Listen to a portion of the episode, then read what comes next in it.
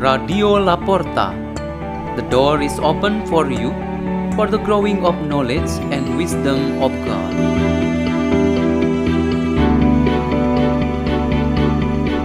Delivered by Reina from Kristus Raja Paris, Diocese of Surabaya, Indonesia.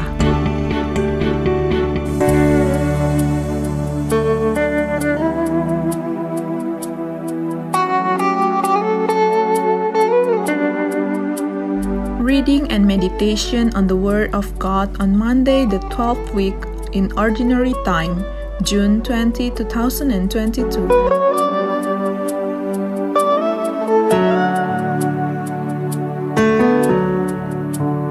The reading is taken from the Holy Gospel according to Matthew.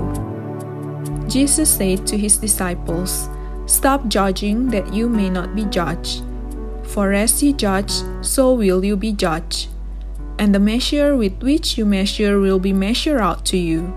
Why do you notice the splinter in your brother's eye, but do not perceive the wooden beam in your own eye? How can you say to your brother, Let me remove that splinter from your eye, while the wooden beam is in your eye? You hypocrite!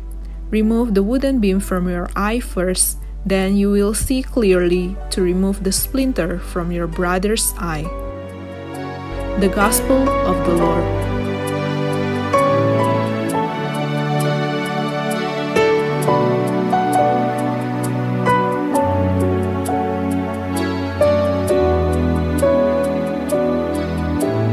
The theme for our meditation today is Who Judged Rightly.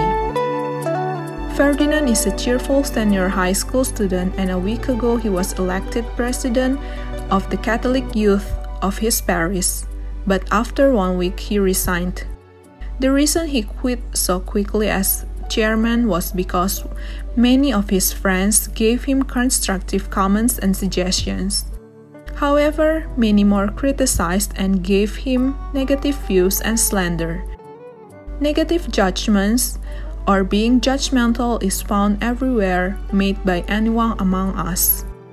According to the Lord Jesus Christ, this should not be done and should not be the lifestyle of his followers. It is a sin to make someone the ruler of truth and goodness. Jesus' affirmation to us today is intended to stop us from the habit of judging and condemning others that they are sinners. On the other hand, we are taught to prioritize the goodness and good values of others because through this way, human education takes place, love grows well, and solidarity together as God's people is maintained. Judgment, criticism, and sharp comments are still needed for every person, group, and community, but they should be given in gentleness and love. This is a sacred duty. Parents correct and even judge their children about the relationship between the opposite sex, which is already worrying many people around. Maybe some young religious men and women are judged quite strong in the matter of daily life discipline that has dried up and lost its quality. This should be considered a sacred judgment. So, Jesus' best advice for us is that whoever judge, criticizes, and values his neighbor in goodness and in love, he will be judged accordingly by God. Who then can judge properly or correctly? It is God who gives. He is the source of love and goodness.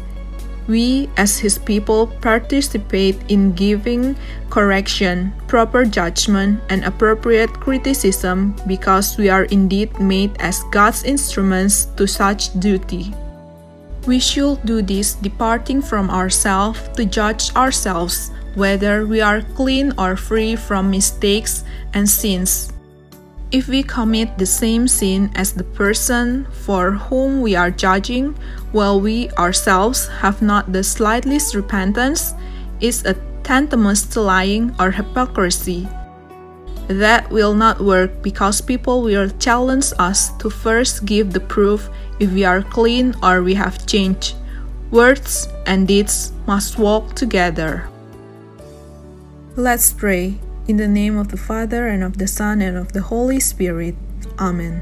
O Lord Jesus Christ, make us sincere and true in giving judgments, criticisms, and evaluation to our fellow men and women, and make us credible Christians through our words and actions. Glory to the Father, and to the Son, and to the Holy Spirit, as it was in the beginning, is now, and ever shall be, world without end. Amen. In the name of the Father, and of the Son, and of the Holy Spirit. Amen. Radio La Porta. The door is open for you.